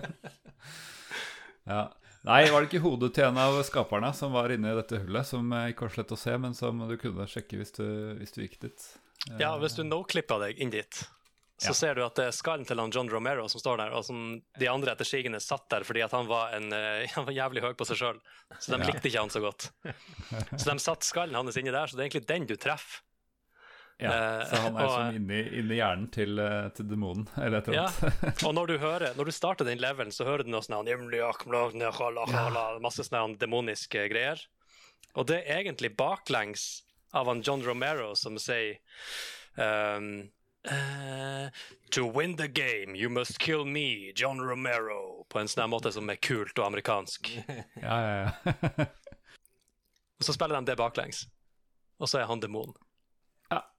Passende. Det er kult da, å ta på strak arm. Når du først har satt den inn der som en spøk, så tar den og spiller inn linjer og gjør det enda mer Ja, ja, ja. Det, det er sporty håndtering, syns jeg. Ja, nå er det jo veldig mye snakk om eh, masse hull i vegger og bosser og ting og tang som jeg ikke fikk lov å være med på fordi jeg ikke spilte her. Eh, men en ting jeg har eh, liksom fått med meg og kost meg opp igjennom med det spillet her, det er jo musikken. Eh, og det tror jeg ikke jeg er alene om i verden. Det ser jeg på internettet. Og jeg tror du også, Jodde, har kost deg en del med musikken til Doom, hvis ikke jeg tar helt feil. Stemmer det. Det er jo Når jeg, når jeg spiller et spill, så er soundtracket mer enn halve opplevelsen. Og lenge etter at jeg er ferdig med spillene, så blir gjerne de låtene værende på spillelista på Spotify i bilen, og blant annet musikken fra Doom. Så eh, det er jo Det er bare Det som slo meg i voksen alder, er jo det at uh, veldig mange av de her låtene som er så legendarisk, og som er Doom i mitt hode og i min verden, er jo egentlig gamle metall- og rockelåter fra 70-, 60-, 70-, 80-tallet, som er mer eller mindre blåkopi. Er det det? Det var, Ja. det var nytt for meg, faktisk. Det er nesten som om de har tatt og hatt den på øret, og så har de sittet og programmert midi-fil basert på den. Respekt. Ja, og så, sant, De brydde seg ikke så mye om plagiat og sånn her, det var ikke så nøye før i tida. Nei. Så at de slapp, at de slapp igjennom det der, det er jo Jeg tror ikke det var det verste med dette spillet i folks øyne. Nei, heldigvis, vil jeg si. Det er jo ganske fete låter. Det var vel andre ting som fanga oppmerksomheten til eh, US Congress. Så da gikk, Ja. da gikk eh, plagierte rockelåter under radaren. Men eh, ja, det er kopier direkte, nesten, da. Av, for det er jo fet Det er fet musikk. Som Ja, passer, det er rett og liksom. slett det. Eh, vi kan kjøre noen eksempler hvis dere ønsker det. Ja, veldig gjerne. Ja. Eh, da er det sånn at eh, mange av de her låtene eh, Vi spiller midi-låter først, tenker jeg, og så den ekte inspirasjonen etterpå. Og mange av de midi-låtene brukes jo i mange forskjellige leveler, så det er ikke sånn at det er kun den og den levelen, men det med, de går igjen. Og de har sine egne titler på de låtene inni Doom. Eksempel den vi skal spille av nå, den kaller de internt for Bye Bye American Pie. um, og den, den høres slik ut.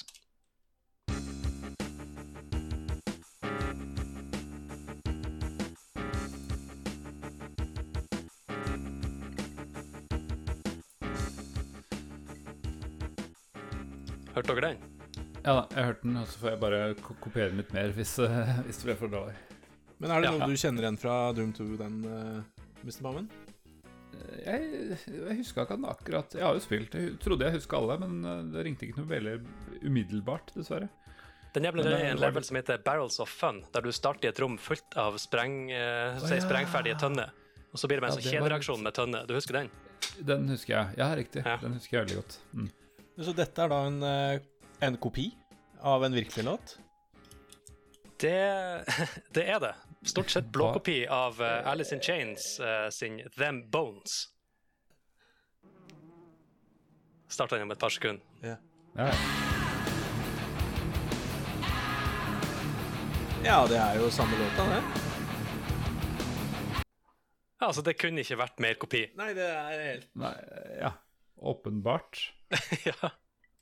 Og den, den okay. låta er jo egentlig Den er jo dritfet i seg sjøl. Sånn at jeg har oppdaga en del musikk som jeg fant ut var ekte musikk, egentlig, og som også er dritfett. Men om jeg syns det er fett at fordi det var du, eller fordi Ja, det er litt sånn høna og egget. Ja, Ja, ja, har ikke det samme noen ganger. Ble du glad i hardrock fordi du likte Doom, eller ble du glad i Doom fordi du likte hardrock? Ja, eller ja, jeg skjønner. Eh, når jeg var på den alderen at jeg drev og spilte Doom, så hørte jeg på Britney Spears og Backstreet Boys og, eh, og Spice Girls og Aqua og Dere vet nå. Ja, uff, ja, vi har jo Ja, alle aldri, jeg hadde vært der. Jeg, eh, bare for å være litt sånn eh, nesa i sky og ovenfra og ned eh, Jeg begynte å høre på ganske hard musikk ganske tidlig, så for meg så har Doom eh, etter hvert som jeg har blitt litt kjent med det i senere tid, eh, så har det bare truffet inn i min musikksmak noe så til de grader. Så, så, og det er bare ekstra gøy nå å høre disse sammenligningene med liksom skikkelig god, eh, god skitten rock fra 80- og 90-tallet, som da de faktisk bare da har kopiert inn i et Mm. format. Ja. Hadde du flere eksempler? Ja da, jeg har en til uh, som de uh, kalte internt for uh, 'Waiting for Romero to play'. ok, jeg gleder meg. Ja, den går nå sånn som det her. Det er ikke meninga at den skal være så kort. Nei, jo, men er ikke det Alle sitter jo og venter på at Romero skal spille. Jeg prøver en gang til. Ja, Den ja. andre spilleren som kuker seg til.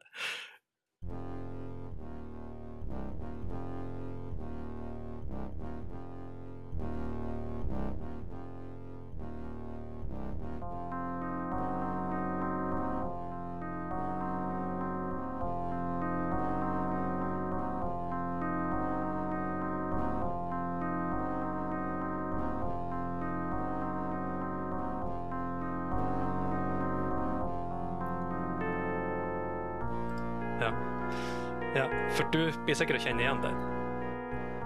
Vi prøver.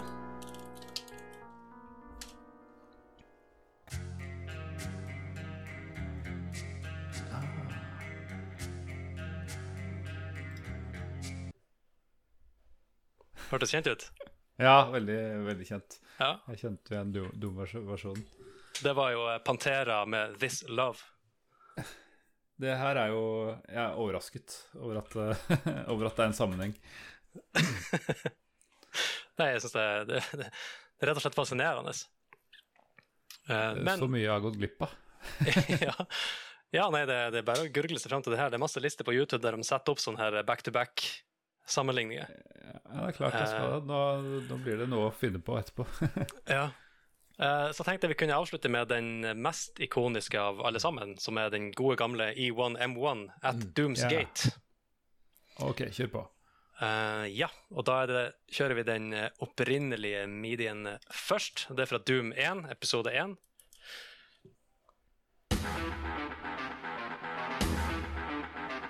Den er legendarisk. Ja, Mr. Mammen nikker, det er bra, det. Ja, den der er rå, ass.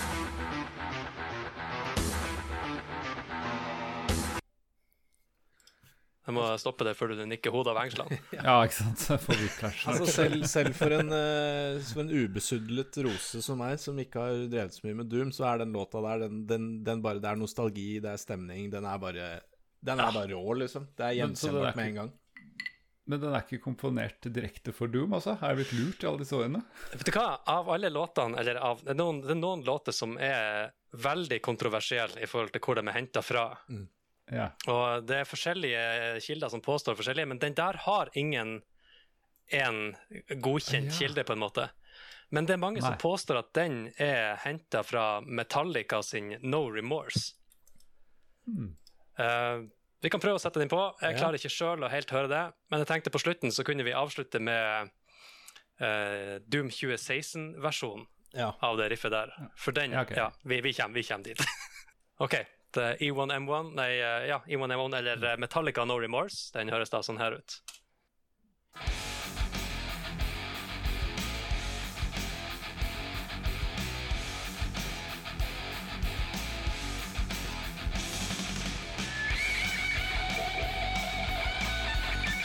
ja, det er en De strekker den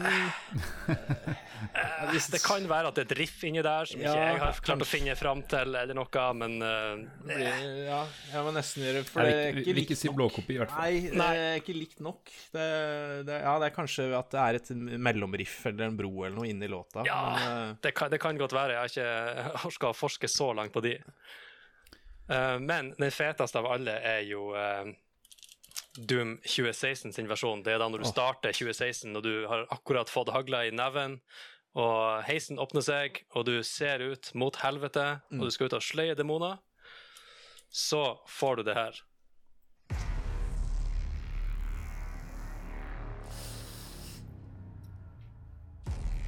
Det er Nightmare Fuel. Mm. Og så riffet. og så kommer den forsiktig, forsiktig. Der.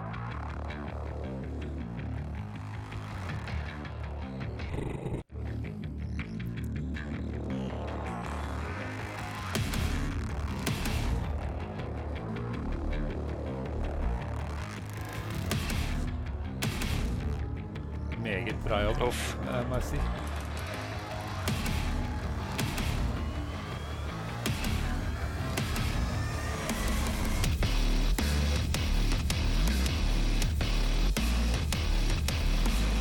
Å, jeg får frysninger. Å, jeg får frysninger. frysninger. vi stopper her før, uh, før det blir godt i buksa. Jeg har, gå Ja. jeg har gåsehud.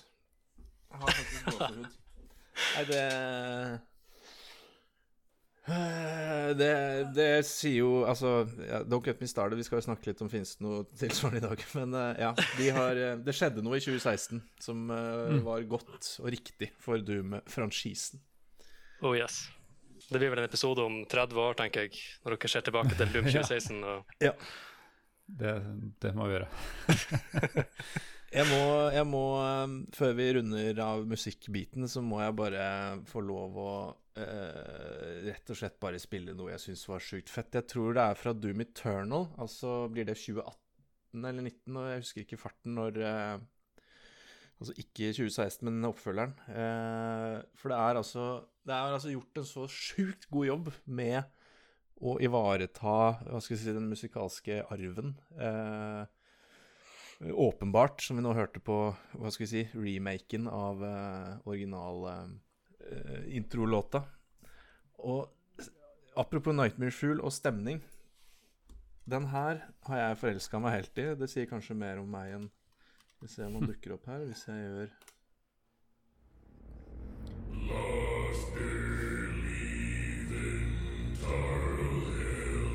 Altså, skal du ha stemning, da, så får du stemning. Mm, Hjelpes.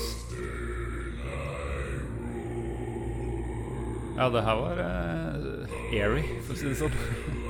Jeg, altså, hvis du hadde satt på det her i tillegg til det spillet da mamma og pappa så dette her i 1993 eller 1994, da hadde jo Da hadde PC-en ryket. Da hadde det blitt et sånn bok og, og, hjem, tror jeg. Enda godt at ikke Soundblasteren var så god i, i eh, Faktisk. 1993. Faktisk. Jeg ser for meg den der eh, når Doomslayeren kommer til helvete for å holde helvete i helvete. Ja. Så passer det der så sinnssykt bra. For å lage helvete i helvete. For, for, for helvete. Helvete i andre. Ja. Jeg vil bare si helt til slutt ja, Hvis noen synes, har lyst til å lese mer om denne historien om, uh, om id Software, så er uh, Masters of Doom en bok som uh, går i detalj og følger alle disse fire viktigste personlighetene i dybden fra de forlater jobbene sine og stifter id Software og um, Apogee Software Apogee og og hele den uh, turen der. Uh, jeg har ikke lest uh, mer enn litt utdrag av den, men jeg ser den sitert overalt, så den tror jeg kan gi min anbefaling på uansett. jeg har noen fun facts, hvis dere vil ha det, på slutten. Vi Altid. kjører fun facts. Har vi tid til det? Ja, ja, ja. Det gjør vi. OK, da tar vi de som er fete. Uh, du nevnte det jo før vi begynte å spille inn, men navnet Doom uh, Ja. fikk dem fra uh, Eller ettersigende da. Fra ei linje i en film som heter The Color of Money, hvor han, uh, Tom Cruise spiller biljard. Åpner opp en, eller har en koffert på fanget, og så får han spørsmålet uh, What do you have in there? Someone asks. Og så svarer han Doom. Ja. With a cocky grin. uh, så der kom visstnok det fra. Uh, og så skal jeg bare brife litt, for jeg har gjort litt i leksen i forhold til deres podkast. Nice. Jazz Jackrabbit 2. Var dere klar over at det var en link mellom de her to spillene? Absolutt ikke. Nei. Uh, Jack, uh, Ja- Jack Jazz-Rabbit Nå begynner det å høres ut som dere. Men uh, Jazz, Jazz Jackrabbit 2, Shareware-demoen, uh, coveret til den er en slags versjon av Doom-coveret. Der han Jazz Ja. Jackrabbit står på Ja, en haug ja. av noe greier som prøver å klore etter beina hans, og så står han med den gunneren sin. Står med gunneren ned, sånn som på Ja, ja. Ja, ja, ja. Yes. Så det er en liten uh, homage Ja, til dem. En liten Ja, vi har jo som vi glapp i vår uh, episode om uh, Jazz Jackrabbit. Uh, Ja, jeg følger med, vet du. Jeg Som, ferdig som belyser, som belyser jo hvor lite peiling jeg har, f.eks. Ja, Bra vi får rydda opp litt. Eh, ja, Uh, Doom skulle egentlig være en, uh, et videospill basert på aliens. Men Oi. det ble skrota fordi at da har du plutselig en property der som du ikke har så mye frihet med. Så for at de skulle få lov å ha mer frihet, så skrota de det. Så da ble det ikke et aliens-spill, men et annet type helvete. Ja, jeg syns jo de greide å plukke med seg den ekle, ubehagelige stemningen. Uten at Ja. de brøy, brøyt noen copyrights. Det synes Jeg er glad for at det ikke ble alien. Ja, Det er nok alien-spill. enig. Jeg er helt enig. Og Um, så hadde de ikke hatt mulighet Hadde de ikke hatt de samme rettighetene til å kunne fortsette det. Så det var, nei, ikke sant. det var viste seg lurt. Uh, skal vi se De ulike våpnene som man bruker, Doomguy bruker gjennom spillene, er digitaliserte versjoner av sånne leker som de har vært og kjøpt på lekebutikken. Det er stilig. Ja. Eh, den første levelen i Doom ble designa sist. Og det er fordi at han, eh, John Romero han ville ha mer erfaring i level-design, sånn at han kunne lage det beste førsteinntrykket med den første levelen. Så han lagde den sist når han var blitt best. Makes Mm. sense. Ja. Eh, Ja, kult. Jeg, skal, jeg har et par til, men jeg, bare for å fortsette, det er ingenting av det her som er fact-sjekka. Nei, nei. Nei, ok. Nei, det Så er bra. det er sånn helt løs kanon her. Det er Ja, fyr bare løs. Ja. Eh, fyren som du spiller, kalles jo vanligvis uh, Doomguy, eller The Marine, siden han aldri har egentlig fått navn. Men i en sånn novelleserie, novelization, det er vel tegneserie, da, av Doom-serien, så blir han kalt for Flynn. Fly Taggart, altså Fly som kallenavn. Flynn Fly Taggart. Så eh, Flynn Taggart er Doomguy. Det hørtes jo veldig pedestrian ut. Veldig dagligdags. Hei, hey, Flynn. Flynn's coming over. He's bringing burgers. Mr. Taggart, Yeah, Mr. Taggart, sir. som er lærer. Nei, jeg tror vi. Ja, han er jo det. Han lærer folk å, å dø. Eller ja, viser Nei, da vil vi tro vi Let's stick with Doom Guy. Jeg kom på en fun fact, her òg. Ifølge, ifølge ID-låren så er jo dette barnebarnet til Commander Keen. Eh, som igjen er barnebarnet Ja, ja. Og Commander Keen er eh, Nei, ja, er uh, tippoldefaren til han derre Eller oldefar, ja, bestefaren til eh, han Blaze Hva heter Wolfenstein-personen? BJ Blaskowitz. Ja. Ja, det var han tenkte på. Så det er visstnok uh, tre generasjoner, eh, ifølge ID-låren. Ok, ja, for jeg har en annen som en, eh, en link mellom, mellom eh, Wolfenstein og Doom. Ja. Eh, dere vet Cyberdemon i Doom, han svære jævelen som mangler en arm og en fot, og i stedet for arm så har han en rakettkaster. Stemmer. Ja, det, det sies at eh, han mista den armen den, og den foten mens han slåss mot BJ Blaskovic, helten fra Wolfenstein. ja. Eh, og det var under uh, handlinga fra Wolfenstein RPG. Så Ja, klart. Så klart. Så det er også en ting, tydeligvis. Det er sånn du kan holde på når du eier eh, copyrighten selv. Da kan du mm. mikse, trikse og mikse og It's your child. Ja. uh, skal vi se En siste her. Uh, det sies at i 1995 så var det estimert at Doom var installert på flere PC-er enn Windows 95. Eh, og det Ja. gjorde at han, eh, Bill Gates vurderte å kjøpe uh, id Software, sånn at de kunne få Ja. rettighetene til Doom-navnet. Det førte også til en uh, utvikling av Windows 95-porten av spillet, Ja. for å promotere Windows 95. Selvfølgelig. Selvfølgelig. Ja, nei, I dag hadde definitivt Microsoft eh, prøvd å kjøpe dem opp hvis de, hvis de hadde hatt mulighet. Det er litt rart de ikke gjør det. De fikk kanskje, ikke, de fikk kanskje tilbudet, jeg vet ikke. Nå er det jo Bethesda som har rettigheten til det. Ja, stemmer. Det var det jeg hadde av uh, fun facts. Kult. Det er fantastisk man får eh, servert sånn på et uh, gullfat. Men eh, ja, det er vel kanskje noen fans som har spilt Doom og husker det, vil jeg tro. Det er Det er noen, litt mer kjent enn det er noen fans Streets, av Det er noen fans av CD-spill som også er fans av, av dette indiespillet her, Doom. Um, på vår Facebook-side eh, så kommenterer eh, vår etter hvert meget gode venn Torbjørn Preus Skau. Eh, og dette varmer mitt hjerte litt å lese. Jeg fikk selvsagt ikke lov, eller turte kanskje ikke, til å ha dette hjemme i mitt moderate, men fortsatt kristne sørlandshjem. Så her er vi inne på, på bibelbeltet. Eh, men kompiser fikk, eller turte, så fikk sett på spilling, eh, og det var jo en revolusjon for oss.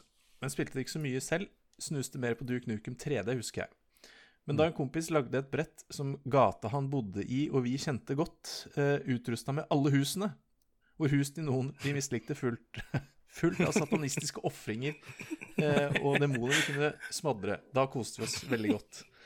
Så det bor en liten sadist i oss alle, eh, og Torbjørn, du er eh, en av de. Eh, og på uh, vår Twitter, uh, cd underscore spill, så sier Martin Esdal eh, Sukk, smilefjes, første spillet jeg linket med. Blant de største spilleopplevelsene i mitt liv da vi endelig fikk det til med seriellkabel. Doom og Doom 2 er blant de beste minnene mine opp gjennom årene. Eh, og, Samme som meg, det, egentlig. ja, men hva er forskjellen på seriellkabel og nullmodem? Eller er det to sider av samme sak? Ja, det er vel bare to, to navn på det samme. Ja. Seriell er vel navn på porten, strengt tatt, og så er eh, ja, Nettopp. det er navn på Nettopp. Eh, Arnt Kåre Flugsrud eh, skriver videre på Twitter Prøvde meg så vidt i datalaben på Lundehaugen videregående. Så her har vi en av de som eh, gjorde at universiteter og videregående skoler over hele verden måtte innføre sånne forbud og sånn. eh, Doom og muligens Duke Nukem. Usikker. Jeg var så dårlig og ble drept med en gang hele tiden, så jeg ble ikke engasjert. He-he. Ja, da er vi to, faktisk. Det er ikke bare at jeg ikke fikk lov å spille det. FPS. Vanskelig. Det er ikke, det er ikke, bare, det er ikke bare ungdommen i Kvinesdal som eh, Det er sirkulasjonsvalg Nei, nei, altså, på universitetene som sirkulerer Også på Lundehaugen så sirkulerer det Nei, så Før så var det Doom, nå er det kjønnssykdommer. Ja, det er det ene avløser det andre. Eh, så kan man jo spørre seg om hvorfor kom kjønnssykdommene? Alle spilte Doom først. Var det noe med moralen? Vi skal ikke dykke ned i det. Eh, det satte sitt preg. Eh, og Martin Gjesdal kommenterer igjen. Ingenting slo skrikene våre når Cyberdoom dukket opp på Coop på Doom 2 klokken to om natten. Mm. Og til slutt Lasse liten verden er så stor, så stor. Min ATNT IBM-kompatible datamaskin fikk kjørt seg når denne kom ut. Fantastisk tid. Så litt eh, engasjement rundt uh, Doom. Eh, overraskende, overraskende. Nice. Ja, nei, vi går jo mot slutten, men uh, er det på tide å spørre, stille seg spørsmål om vi syns det har holdt seg? Det syns jeg er på sin plass. Uh, har du lyst til å uh, ut... Eller hva, hva syns du, Joddi? Hva syns jeg? Jeg installerte jo Vanilla Doom 2 for å spille det. Ja. Uh, for meg så har det ikke eh, det, er, det er ikke like jævlig lenger. Det er ikke like skummelt, det er ikke like spennende. Eh, det er fortsatt raskt, det er fortsatt gøy, men det er gøy i tre, fire, fem leveler. Mm. Sånn som Vanilla Doom er. Um, men nå finnes det jo massevis av source ports og sånn her, så man kan spille det der man faktisk kan se opp og ned. Du kan få det i 3D, du kan få det med bedre kontroller, bedre lyssetting. Og ikke minst å snakke om det som de som uh, har lagd eh, Brutal Doom, som er rett og slett Doom på speed. Det er så mye blod og gørr og nye våpen og altså, finisher-animasjoner, og det er helt spinnvilt. Så hvis dere har lyst til å oppleve gamle Doom på nytt, så tror jeg det er måten å gjøre det på. Det er en slags anbefaling hvis du går for Brutal Doom, er det sånn å Mm. forstå? Ja. Ja. Uh, ja. Skal jeg hoppe, eller skal du, Sigve? Nei, altså jeg eh, Kan jeg si pass? Eh, Fordi jeg har ikke Jeg kan si mye om litt sånn det som har skjedd senere. Men The OG Doom, der blir for vågalt for meg å, å påstå så mye. Ja. Ja, nei, jeg også prøvde, prøvde å kjøre det DOS-boks først. eh, og ja, Joddi var inne på det, det er ganske mye begrensninger. Blant annet så har du jo den eh, Du har jo ikke noe mouse-look, du ser bare rett frem. eh, og du hvis du prøver å styre med musa, så, er, drar du framover, så går du framover. Det er helt Det er så Det er helt håpløst. Og ja, dette var jo før ASD, eller W. Det var piltaster man måtte styre med. Det går det an å venne seg til, men det er ikke mulig å mappe om engang, som er litt sånn Det er litt kjedelig, da. Eh, men eh, jeg skulle, skulle klart det, hvis det bare var det. Mm. Men eh, kombinert med den pakka her syns jeg at originalet det, det funker dårlig. Men så du er inne på, det er massevis av source ports. Det er sikkert 10, 20, 30, 50, for alt hva jeg vet. Um, jeg hadde ikke tid til å sjekke ut alle sammen, men jeg sjekka ut to stykk. Og det ene var, nevnte du faktisk i stad, GZ Doom. Mm. Eh, og det andre heter Doomsday. Det var litt vilkårlig at det ble akkurat de to. Um, men eh, der eh, Eller stå og si alle, alle disse ports fikser disse problemene som jeg nevnte her. Men da får du litt tørre oppløsning, og så får du mulighet til å styre med musa. Og jeg tror den Doomsday, den Det er fortsatt sprite-basert, men den hadde litt bedre lyssetting. Altså den hadde lyssetting som at ting faktisk gløda, og disse ildkulene var Mm. sånn Så det, det ga en ganske kul effekt, da. Eh, Og jeg er litt villig til å ofre original originalgrafikk for å få litt kule effekter rundt det. Det er fortsatt sprites og alle, alle sånne ting. Så det blir eh, min anbefaling. Av de to jeg prøvde, så finnes det sikkert andre som er enda bedre, som jeg ikke var borte, Ja. bortom. Men eh, ja. Det er en sånn skala. Sant? Vil du spille omtrent helt vanilla, så kan du velge en port. Du finner liste på de her tingene. Men så har du andre Ja. som går mer og mer bort og blir mer og mer fancy. Og, ja, så du velger Ja. sjøl. Og jeg har respekt for folk som har lyst til å spille originale spill så originalt som mulig, men eh, jeg har lyst til å spice det litt opp hvis jeg først skal Mm. gjøre det. Så jeg er, den, eh, jeg er den spilleren. Eh, Så ja, da ble det en slags, slags anbefaling, da, hvis du, hvis du bruker ports. ja, det er kult. Altså, det er kult i den forstand at du har gode, gamle monsterslaying. Det går fort, og du har fet musikk. og sånt. Det er bra tidsfordriv, sånn sett. Da er jo egentlig spørsmålet som er, eh, er eh, siste punktet vi har i episodene våre, om det finnes noe tilsvarende i dag.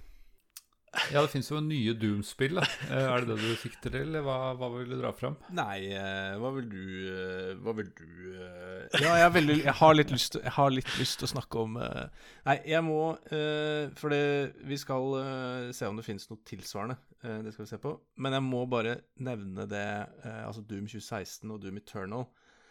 Eh, for det er eh, det beste og det verste som har skjedd meg. Det beste fordi eh, jeg spilte ved en tilfeldighet, så kom jeg over eh, Wolfenstein eh, Altså de re-releasen av Wolfenstein i 2014 og 2015, The New Order og etter hvert av The Old Blood. Mm. Som er noe av det kuleste jeg har spilt i mitt liv. jeg tror jeg har runda ja, runda.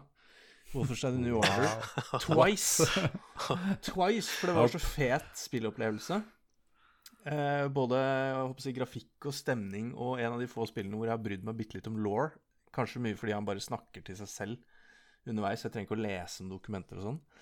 Og så kommer jo da eh, Doom 2016 med håper å si, tilsvarende grafikk og spillopplevelse. Og jeg bare OK, yes, nå, finally. Nå er det min tur til å spille Doom.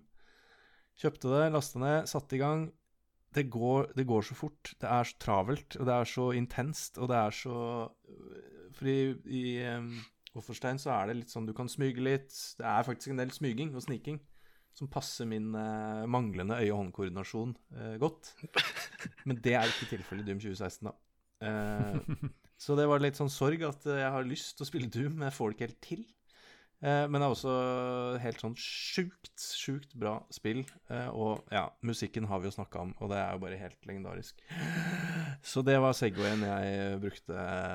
Har det holdt seg Nei, har det, finnes noe tilsvarende i dag? Men finnes det noe tilsvarende i dag? Jeg har ikke noen gode kandidater, men jeg spiller ikke så mye FPS, da, så det kan ha med det, det å gjøre. Eh, altså, det fins jo masse FPS-spill, det vet jeg om, som, som, er gode, men jeg føler ikke at de kjører denne enden av, skalaen Eh, I hvert fall ikke når jeg, spiller, men hva med deg, Joddi? Jeg er enig med Sigve. altså Doom 2016 er jo bygd med mentaliteten til det opprinnelige Doom når de Altmark. lagde spillet. Mm. Det skal ikke være law. Altså han, mm. han, slår i stykker de, de skjermene yeah. som man ser på i løpet av spillet, og bryter opp dører. Og, altså Han gir seg helvete yeah. i det som alt av handling. Det skal bare drepes demoner fort. Og det er jo akkurat det samme som hva endte hele mentaliteten i det opprinnelige Doom. Så mm. jeg sier Doom 2016, jeg. Jeg tenker at uh, det fins der som uh, eh, Mr. Mamen, du sier det altså uh, Det fins jo ti millioner FPS-spill. Uh, men mm. i den kalde sjangeren og den stilen og blood and gore og helvete på den måten der, så er det sånn Ja, det finnes noe tilsvarende i dag, og det er Doom. ja, ja. Jeg er veldig åpen for å, om lytterne kommer med innspill, om det er noe, ja, noe tilsvarende. Det vil jeg gjerne høre. Men det nærmeste vi kommer i dag, det er Doom. Jepp. Da er det vel egentlig bare å si tusen hjertelig takk til uh, Joddi, som har uh, Jeg kaller deg bare for Joddi, er det litt frekt, eller? det, er det, du, det er det de fleste bruker, så det er helt uh, greit. Det er bare initialene mine. JI, Jørn Inge. Ja. Nice. Men tusen takk, Jørn Inge slash Joddi. Tusen takk, Erik André. Skråstrek Mamen. Mr. Mamen. Eller Mr. Maman. Uh, det er imponerende at du har fått med hele navnet ditt. ja, ja, ja. Nei, vi er gode på dobbeltnavn her i Nord-Norge. ja, veldig hyggelig å hilse på deg også, Sigve. Det var en, eh, en, glede å være med dere i kveld. Takk for besøket, Joddi. Veldig hyggelig at du kunne være med oss. Kommer gjerne tilbake. Høres bra ut. Det, vi trenger alltid gjester eh, å fylle opp innimellom, så det er ikke mulig at det blir, eh, blir en ny episode med Joddi i fremtiden. Uh, ja, men da er vi vel, tar det vel to uker, da, så finner vi på et nytt spill å snakke om, eh, Sigve? Ja, vi må gjøre noe litt før vi skal spise masse mat og gå rundt juletrær. Så, ah, det er jul snart, hadde jeg glemt av. ja, det er det, altså. Men vi, vi, vi, vi, skyver litt på det. Vi holder det litt på armlengdsavstand. Så vi ses igjen om to uker. Det gjør vi. Supert. Ha det bra. Ha det bra. Ha det bra.